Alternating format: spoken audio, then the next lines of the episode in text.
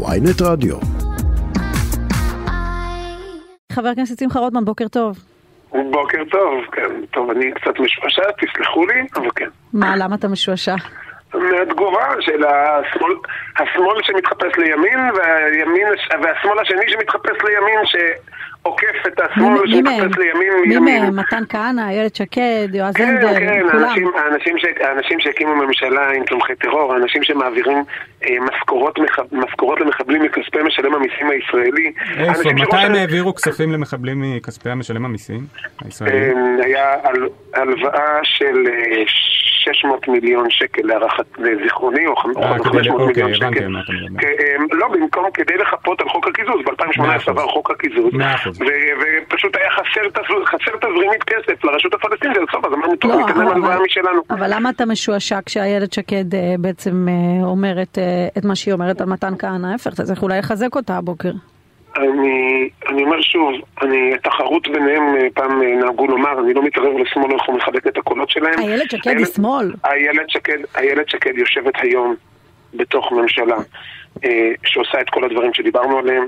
איילת שקד, כדי להקים את הממשלה הזאת וכדי לתחזק את שרידותה, היא הבטיחה אה, אלפי אישורים לרע"מ ולמרצ, אישורים לאיחודי משפחות, למימוש של זכות שיבה פלסטינית, ברוך השם שהצלחנו לעצור את המהלך הזה והפלנו את הגרסה הראשונה של חוק האזרחות שאפשרה את הדבר הזה, שלא היו בה מכסות.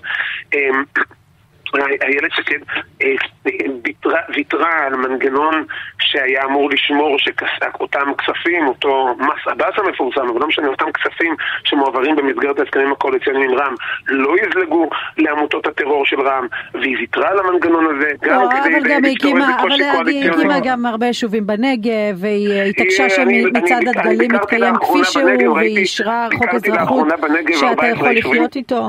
אני ביקרתי לאחרונה בנגב, 14 היישובים שהיא הקימה בנגב, אני מציע לבל- ש- אולי, אולי, להקדיש, את, אולי להקדיש את, אה, את הטיול הקרוב לנגב, לראות אותם, לדעתי אה, זה, תקציב החמד באופן קבוע בבסיס תקציב המדינה, דבר. שנתניהו לא עשה. גם השקר לגבי תקציב החמד הקבוע, גם הוא נחשף.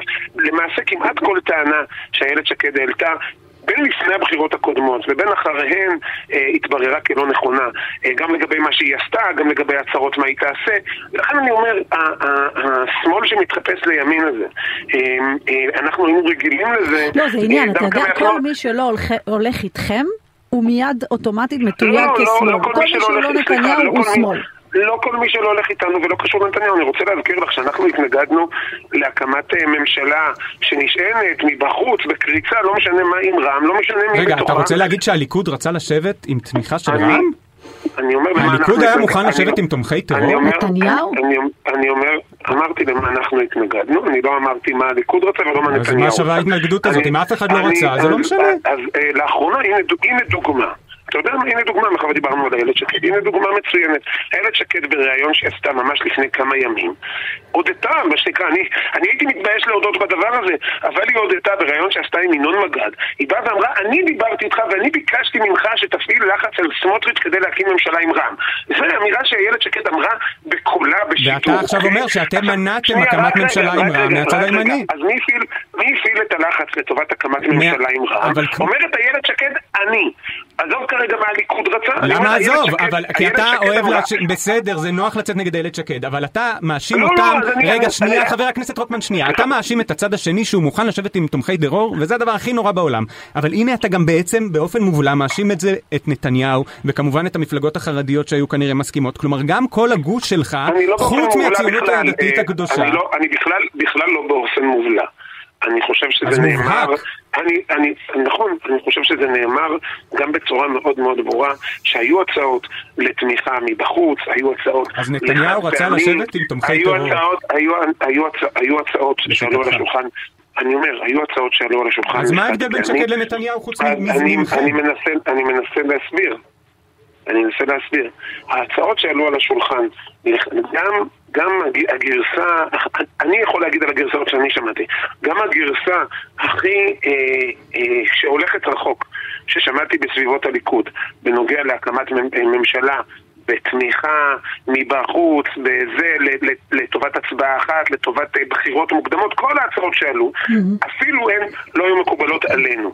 מה שאיילת שקד עשתה, ומה שכל אותם אנשים שעכשיו מתקוטטים ביניהם, איילת שקד ומתן כהנא, ושברים נוספים של ימינה שכבר טיילו להם okay. אוקיי. יש עתיד ולמקומות אחרים. כל אותה, אותה מפלגה, מה שהם עשו, הם לא באו ואמרו, אנחנו מקימים, ממש, מנסים, מקימים ממשלה לטובת הליכה לבחירות, okay. או אוקיי. לבחירות חדשות. בוא נתקדם, חבר הכנסת כהנא, בוא נתקדם. שמטרתה יציבות, ככה הם טענו. חבר הכנסת שמחה רוטמן, אפילו לא שם לב.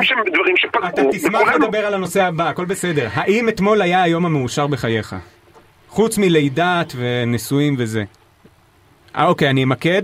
בג"ץ כן. נגד היועצת המשפטית, אומר לה, וואו, אפילו אנחנו לא כאלה שמאלנים. בוא, בוא נסביר רק לטובת מאזיננו, אה, עימות אה, מאוד אה, ככה חריף במשפט עליון, לבין גם הממשלה וגם היועצת המשפטית לממשלה. השופט סולברג מציע למדינה לבטל את המינוי הקבוע של מני מזוז ליושב ראש הוועדה למינוי בכירים, כך שיהיה תקף רק לרמטכ"ל, והיועצת המשפטית מסרבת.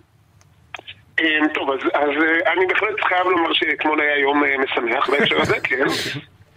אה, כמו שדיברנו קודם על חלקי השונים של מפלגת ימינה שמתקוטטים ואני יושב מהצד וזה מסתכל קצת בשעשוע, גם כאשר החלקים השונים של מפלגת בג"ץ רבים ביניהם, הפלג, הפלג הצפוני והפלג הדרומי של מפלגת בג"ץ, היועמ"ש, היועמ"ש, היועמ"ש ובג"ץ רבים ביניהם, אני, אני יושב וכן משועשע. רגע, לאיזה פלג שייך השופט סולברג? אני לא מתעסק. מי המתון יותר? הצפוני, נכון? אוקיי, לא- בסדר. אני אינני יודע מי יותר מתון.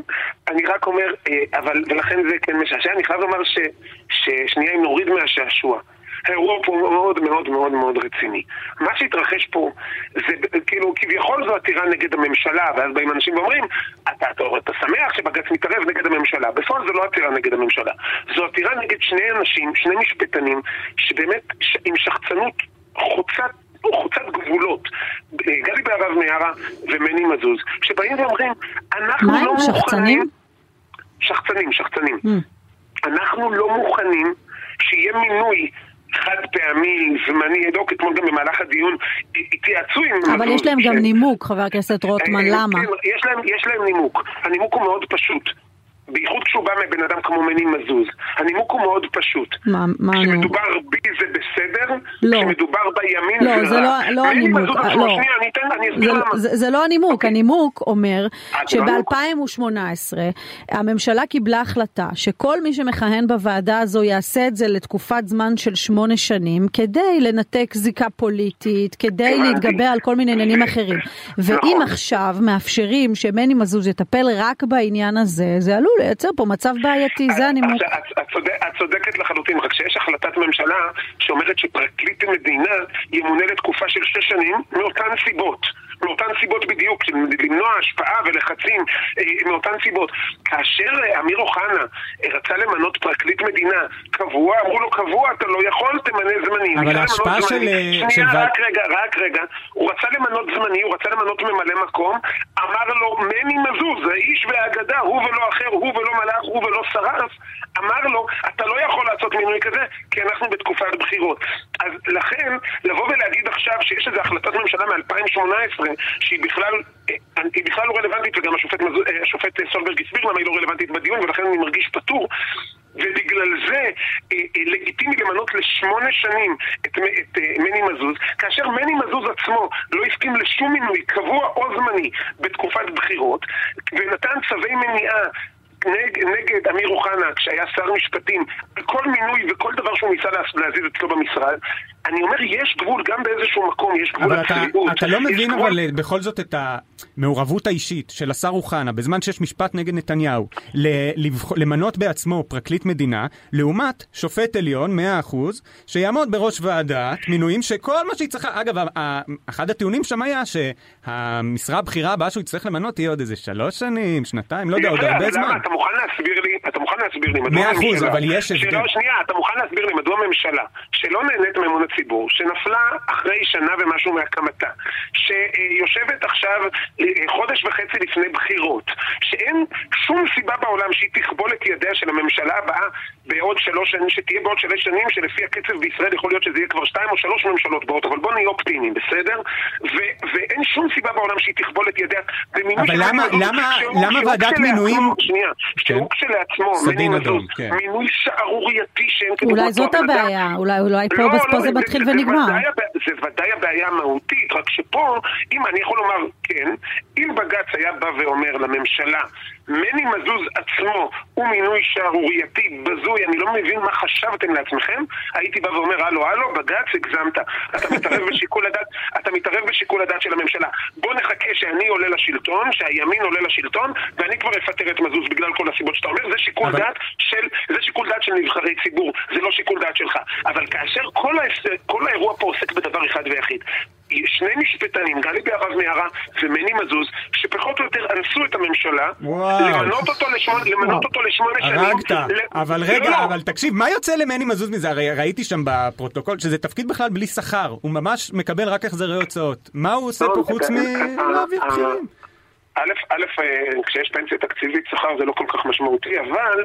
אה, אבל היה אני יכול אפילו לטוס לא- במקום אני זה. אפילו לא- אני אפילו לא אפנה לדרישות להחזרת כספים שהופנו בעבר למזוז, אלה כספים אל תפנה, אנחנו. נצא תגובה. אולי- אבל- אולי גם בקדנציה הבאה תשנו, אה, הרי אתם רוצים לשנות את כל השיטה של המינוי, אז אולי זה בכלל תהיה ועדה לא רלוונטית. בוודאי, הוועדה הזאת מיותרת, אבל, אבל מני מזוז, כפי שהראה, אתה יודע מה? אני לא צריך אפילו לעשות ספקולציות. אוקיי. מני מזוז, מני מזוז בראיון הפרישה שלו.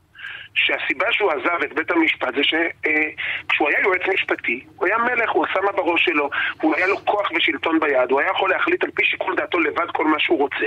ואפס, מה לעשות, בבית המשפט יש הרכבים, ואז הוא לפעמים גם נשאר בדעת מיעוט. האיש תאב שלטון באמת בצורה, לפי דבריו שהוא, שמה שהוא כתב, תאב שלטון בצורה שמטרידה, אם, אם פוליטיקאי היה מדבר ככה, מי הוא היה תאב שלטון? לעג וקלס, מזוז. הוא היה, מני מזוז, הוא היה לעג לשיטתו. פוליטיקאי. פוליטיקאי שהיה מדבר ככה, ואמר, והיה אומר, אני עזבתי את המשרה הכי בכירה פחות או יותר המשפטית במדינת ישראל של שופט בית משפט עליון, כי לא הרגשתי שיש לי כוח ושליטה ביד כמו שהיה לי כשהייתי יועמ"ש, שזה פחות או יותר פרפרזה של מה שהוא כתב.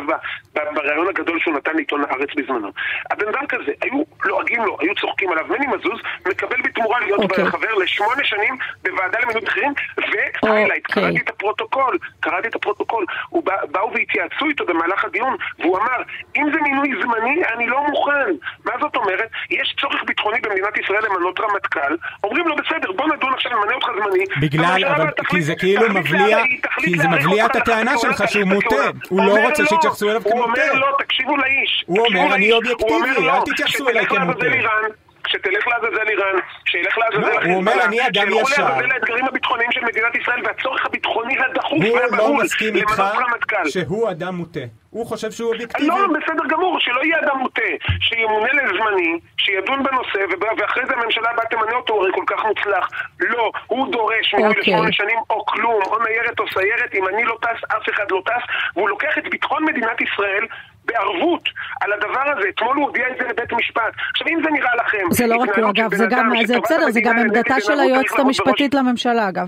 לא, אבל לא, אוקיי. העמדה שלו, אני אומר, שאלו אותו, קראתי את הפרוטוקול, שאלו אותו, הוא אמר, אם זה מינוי זמני, אני לא מוכן. נכון. פרשנות שלי, פרשנות שלי, אם לא נותנים לי את הג'וב לשמונה שנים, שילך לעזאזל זה לא המאבק ג'וב, הוא לא באיראן, מקבל שילך כסף. לעזאזל מינוי זה הרמטכ"ל לא ג'וב. הביטחוני הדחוף, או שזה שמונה שנים או כלום. חבר הכנסת שמחה רוטמן, אה, היה פה סוער, אבל אנחנו נאלצים לסיים. תודה רבה לך על השיחה, בוקר טוב. בכיף, תודה.